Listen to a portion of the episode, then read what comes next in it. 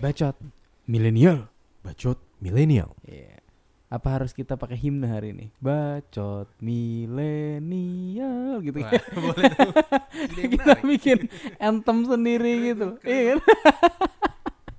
Oke, kembali lagi bersama Bernhard Paras di sini Anton Renaldo di sini. dan kita hari ini akan membahas sesuatu yang menarik, Sangat menarik. mengambil mu- sebuah momen yang beberapa hari lagi akan dilaksanakan makanya sampai bikin himne tadi ya. Iya. Tinggal hamin sekian nih. Tinggal hamin tiga eh, tiga eh. Ini 14 ton, Iya. 14, 15, 16, 17 ya tiga lah, tiga lah. Nah terus eh, apa sih emang hari ini kita bakal bahas apa yang menarik ini? Kita akan bahas suatu pesta rakyat Hmm?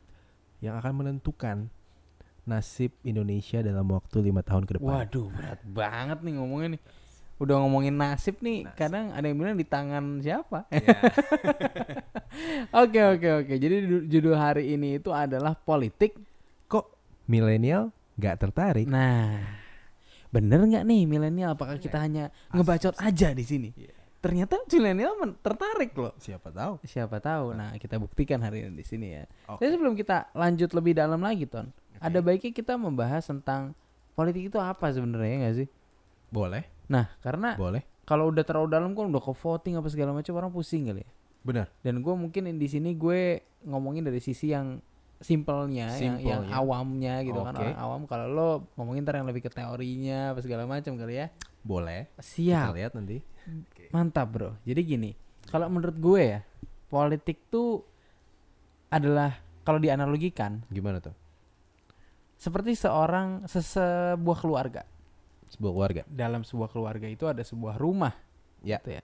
Nah, dalam keluarga ini normalnya di Indonesia ada empat orang, ada bapak, ibu, anaknya dua, Ya. gitu kan. KB ya, program KB ya. Program bencana ya. Iya, karena karena mereka Dua anak merencanakan dua anak cukup, Oke. gitu kan. Nah, KB pun itu ditentukan oleh politik, itu kebijakan pemerintahan. Oh, iya nggak? menarik Iya nih. kan? Nah, Iya, jadi iya. jadi intinya seperti ini. Nah, Hmm. kenapa sih si bapak ini hanya menentukan anaknya cuma dua dan istilahnya bapaknya yang menentukan, oh kita anaknya dua aja deh, gitu kan? Mm-mm. Nah itu karena pasti ada keputusan ya nggak sih? Ada keputusan Dan yang bisa memutuskan ini adalah pemimpin. pemimpin. Iya. Nah, Tapi itu kan siapa tahu anggota keluarga yang nggak setuju. hmm? Nah itu gimana tuh? nah justru itu makanya ha- politik itu menurut gue adalah suatu musyawarah Yap. di mana lo harus menggapai suara sebanyak banyaknya Mm-mm. agar agar lo dipilih dulu nih jadi seorang Hmm. pemimpin. Ya. Nanti saat lo sudah jadi pemimpin dalam jangka waktu yang sudah ditentukan dan pembagian daerah nih Yap. mungkin nih ya gue gue mencontohkan Nah. misalnya si bapaknya ini setelah di voting berempat bapak lah yang terpilih sebagai eh, kepala rumah Oke. gitu ternyata Yang ibu memberi yang punya kuasa untuk memutuskan gitu. iya Oke. ternyata ibu hanya terpilih di kursi DPR nih Oke. ya ibu hanya punya Bikin aturan-aturan di aturan rumah. yang iya yang disampaikan oleh anak pertama dan anak kedua Yap. nah sedangkan anak pertama terpilih jadi DPRD Oke. nah, itu hanya di daerah khusus mungkin di daerah dapur atau daerah Ru- eh, kamar. kamar gitu kan. Jadi dia dia dia hanya memutuskan di situ. Nanti sih seperti itu dan nggak harus bapaknya, mungkin juga ibunya yang kepilih kan nggak tahu, mungkin ibunya lebih diplomatis dibanding bapaknya. Ini kan zaman modern bro. Milenial kadang bukan bapaknya yang memimpin justru, Bisa jadi ibunya. bisa jadi ibunya. Kalau menurut gue sih simpelnya sebenarnya politik kayak gitu dan dan kenapa gue bahas tadi kenapa presiden DPR sama DPRD karena di Indonesia sekarang itu spesial banget ton. Kenapa tuh? Nanti tanggal 17 April itu Iya. nggak hanya pemilihan presiden tapi serentak pemilihan presiden DPR dan DPRD.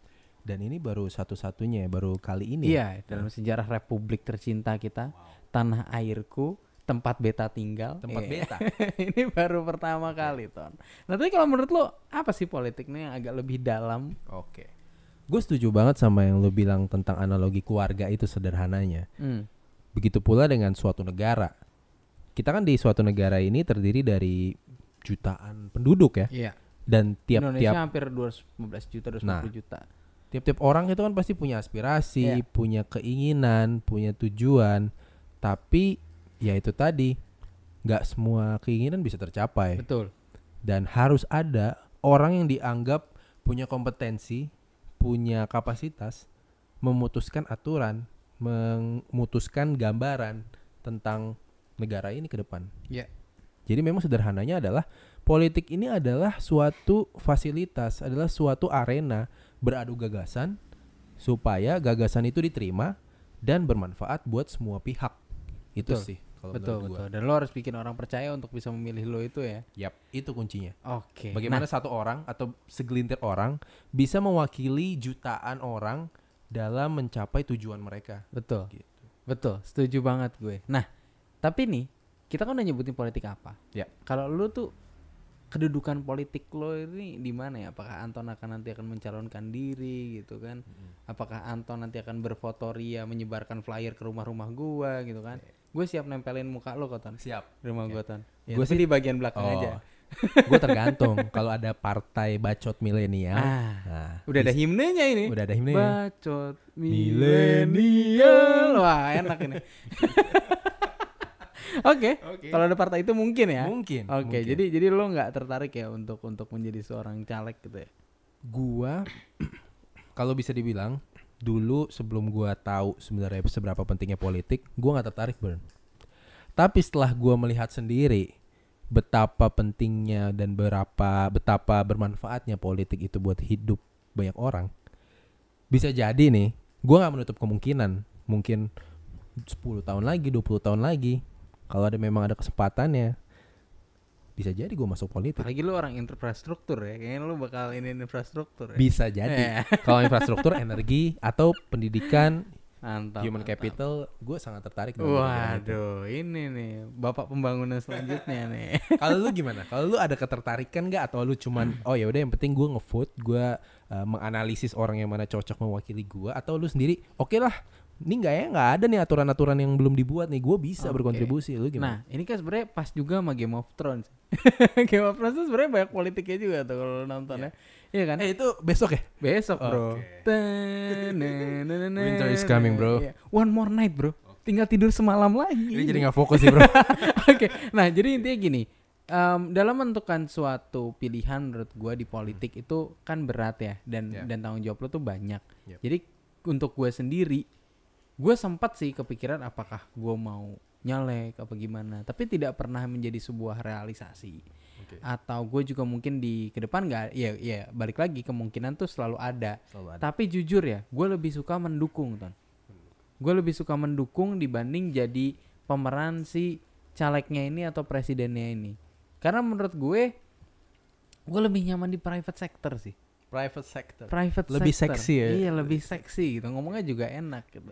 Gue bukan government, gue private sector gitu. Jadi jujur eh sebagai private sector nih ngapain sih? Mungkin jadi konsultan teknologinya, kebijakan publik dalam bidang security di bidang tech gitu kan, marketing atau campaign itu gue gua kayaknya gue gua mau banget gitu. Cuman kalau untuk nyalek kayaknya ya kalau buat gua itu bukan gue deh.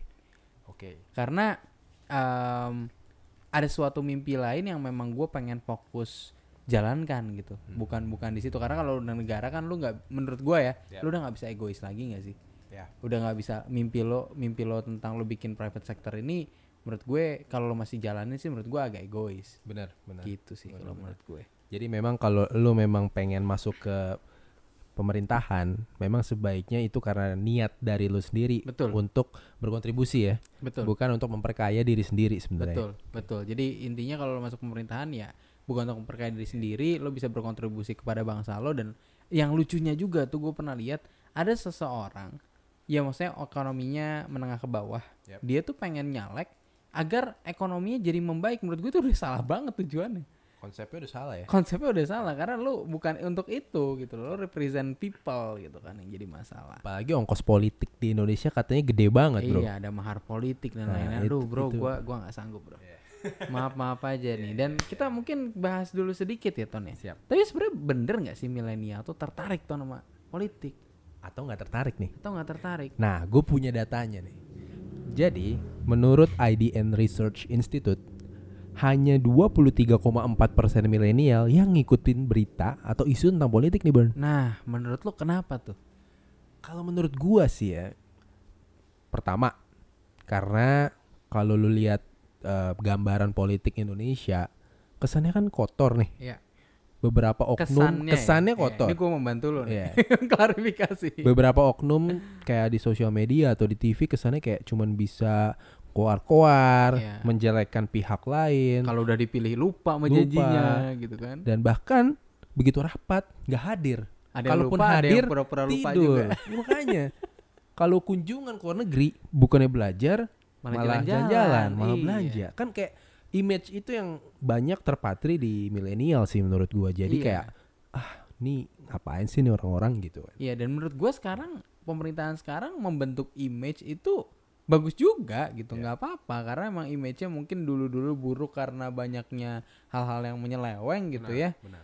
dengan membentuk image oh pemerintah baik pemerintah punya pembangunan yang baik dan lain-lain ini menurut gue baik juga Hmm. cuman mungkin ya itu tidak akan bertahan lama kalau tidak ada bukti nyata gitu loh Iya. dan dan sekarang sih memang ada bukti-bukti nyatanya dan yang jadi diperdebatkan di politik ini kebanyakan hal-hal yang tidak umum gitu kan yang orang nggak ngerti sebenarnya itu apa gitu loh Hmm. nah kalau buat gue sendiri yang gue lihat dari teman-teman gue yang nonton debat politik ya anak-anak jurnalis udah Jurnalis. udah pasti lah debat politik gitu kan tuh udah pasti nonton tapi kalau teman-teman gue yang tidak di jurnalistik menurut gua nggak semuanya memang nonton juga. Jadi nggak serame dulu semua orang tuh nonton karena kan kita sekarang milenial tuh kan punya banyak pilihan konten. Benar. Iya kan? Mm. jadi tidak seseksi dulu gitu loh. Dan ini menurut gua gua dukung sih. Risetnya IDN hanya 23,4 persen milenial wajar. Karena pilihan konten kita tuh banyak banget gitu Hmm. di jam itu pun banyak seri-seri yang bagus gitu kan jadi Benar, benar. baru tayang premier gitu kan Ya. ada yang lebih penting mungkin menurut milenial gitu Tapi memang kita beruntung sih di era sekarang. Kemudahan membuat konten itu juga menghasilkan adanya nih konten-konten politik yang menarik, Bro. betul Misal- kreatif ya kreatif. kreatif ya. Misalnya kalau gua kasih contoh, yang pertama kayak eh, acara Najwa. Kan kalau lu nonton acara Najwa kayaknya jago banget nih Najwa membawa alur em, acara untuk mengulik dari si pembicara-pembicara gitu kan. Terus kalau kedua gue lihat kayak ada asumsi. Itu karyanya si Pangeran Siahaan sama si Iman. Itu juga menarik sih menurut gua. Jadi kayak sekarang banyak opsi supaya mempelajari atau mengetahui politik itu lebih menarik. Kayak gitu sih kalau gue lihat sekarang. nah kalau gue lihat juga sebenarnya saat ini ya kalau untuk masalah politik gue jujur kalau yang bikin gue nggak tertarik ton itu ada satu hal yang gue tuh sebenarnya pengen ini diselesaikan atau enggak dimulai lah bukan diselesaikan karena menurut gue Ah. belum dimulai Apa tuh? masalah profil bro Profil. Iya gitu. Lo lo misalnya lihat LinkedIn gitu kan. Gua kan ngeliat profil Anton gampang gitu kan. Iya. Wah ini lulusan bagus gitu kan. Kayak istilahnya gue mau misalnya kayak gue mencari seseorang untuk dipilih gue jelas gitu loh. Oh Anton profilnya begini dan lain-lain. Sekarang gue ngeliat di sini tuh saling menyalahkan satu sama lain tapi tidak ada yang mempublish profilnya masing-masing. Jadi kayak harusnya kayak Jokowi nih gitu kan. Apa sih presiden sebagai presiden prestasinya apa aja, yang benernya apa aja itu di fact check semuanya bener atau enggak gitu kan. Jadi orang memilihnya itu memang karena positifnya. Yap. Gitu loh. Jadi ini profil gua begini, profil yang B begini dan yang jadi masalah bukan hanya nge-publish tapi memake sure atau memastikan kalau semua orang mengetahui profilnya masing-masing secara jelas. Jadi saat kita memilih itu kita bukan karena oh dia tayangnya lebih banyak di TV atau enggak dia lebih pencitraannya lebih bagus bukan karena itu. Tapi karena orang oh ya gue tahu profilnya dia begini, profilnya dia begini, ya udah. Jadi kayak harus ada satu sumber yang menengahi gitu sih. Menurut gue sih itu ton. Tapi sekarang nih ada tantangan nih, Bern. Hmm. Memang untuk mencari data, terus kita menganalisis data, untuk milenial itu hal yang mudah mungkin ya. Jadi kita Kita lebih fluent. menurut gue kayak milenial tuh harusnya nggak susah lah untuk menentukan siapa yang akan mereka pilih berdasarkan pencarian data mereka dan analisis mereka. Iya. Cuman yang ada problemnya gini nih. Di dunia digital, em, misalnya di WhatsApp grup keluarga, itu beberapa kali kejadian orang-orang yang misalnya udah baby boomers yang udah lebih tua dari kita, tiba-tiba asal share aja nih link-link ataupun postingan-postingan ya. yang belum terpercaya atau hoax di share di grup keluarga misalnya. Dan setelah gua cross check, mereka memang nggak baca atau memverifikasi atau memvalidasi berita itu. Kayak mereka baca, oh ternyata itu yang mereka merasa yakin, ya udah mereka share aja Ya, tanpa yang- memastikan kebenaran. yang jadi masalahnya juga kadang Hmm. perbedaan pandangan ini gitu kan yang ada satu yang milih A yang satu milih B itu yang jadi masalah ya enggak sih Benar. Dan kalau kita sebenarnya nggak bisa menyalahkan mereka sih, Hmm. karena kayak kebiasaan mereka dari zaman dulu yang namanya baca berita itu satu arah bro. dan kalau kalau yang gue lihat ya cara penetrasinya itu beda sama kita bro Beda. jadi ada orang yang masuk memang lewat internet ada orang yang masuk lewat sosmed dan ada orang yang mengenal internet melalui chatting platform Oke. jadi dia tuh nggak tahu cara ngecek fact check via googling tuh dia nggak ngerti karena dia taunya ya via chat aja itu yang Nah. jadi masalah Dan gue yakin banyak juga nih pendengar kita yang mengalami hal yang sama nih. Iya. Lu ada tips gak atau kalau menghadapi situasi kayak gitu Sebenarnya sih Gimana? sekarang pemerintah lagi mengembangkan chatbot anti hoax. anti hoax? Anti hoax tuh lagi dikembangkan, cuma menurut gue saat ini belum belum bisa dipercaya juga gitu ke keakurasiannya ya karena pas gua tanya kemarin akurasinya berapa belum bisa jawab juga gitu kan. Jadi kalau untuk saat ini sih menurut gue gini, lo harus bisa nyari 3 sampai 5 sumber yang memang meng, apa namanya? Emang bener tuh beritanya gitu dan dari media-media yang terpercaya atau enggak dari orang-orang yang memang lo percaya dan publikasinya benar dicek banget tuh alamat linknya bukan blogspot yang nggak tahu apa gitu Ya. kan gua nggak bilang semua blogspot tuh palsu ya Iya. tapi di sini ya media-media yang sudah sudah terpercaya yang sudah dikenal dan sudah masuk dewan pers mungkin gitu kan itu kan udah lebih kredibel menurut gua jadi Hmm. masalah kita nentuin hoax atau enggak kan yang penting lihat kredibilitasnya aja sih Ya, itu sih menurut Setuju gua. Oke, kalau penutup dari gua em, bisa kita simpulkan bahwa politik itu sangat penting. Karena paling sederhananya gini, dua hal peran politik itu minimal dua. Pertama, bagaimana suatu negara itu ngambil uang dari rakyat dalam bentuk pajak dan kemudian dialokasikan ke berbagai sektor nih, ada kesehatan, pendidikan, infrastruktur dan untuk bisa melakukan itu kita perlu orang yang tepat. Dan yang kedua adalah bagaimana hukum atau aturan dibuat yang sangat mempengaruhi hidup orang banyak. Nah, menurut gua karena dua alasan fungsi utama itu, itulah mengapa kita harus em, ikut dalam aktivitas politik, makanya harus nyoblos harus nyoblos. Walaupun lo nggak yakin yang mana, kalau menurut gue ya, ini ini gue nggak mengajarkan seperti itu, Ya. tapi ini salah satu opsi. Lo mau pilih eh, nomor satu boleh, Yap. lo mau pilih nomor dua juga boleh. Silahkan. Iya, tapi lebih baik lo nyoblos dua-duanya aja kalau pilihan. karena lebih baik karena di suara lo nggak akan dipakai gitu loh.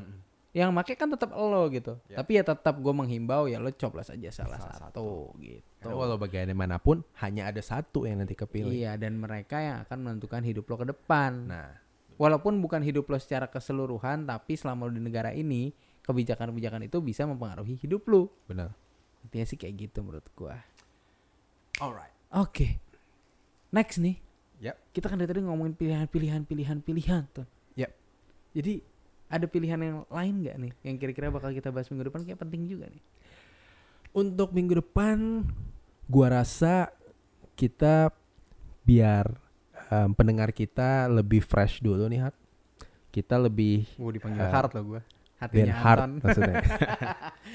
Jadi kita mendingin biar pendengar ini fokus untuk pilpres. Selamat untuk mencoblos, selamat menentukan pilihan karena pilihanmu menentukan masa depanmu juga nanti.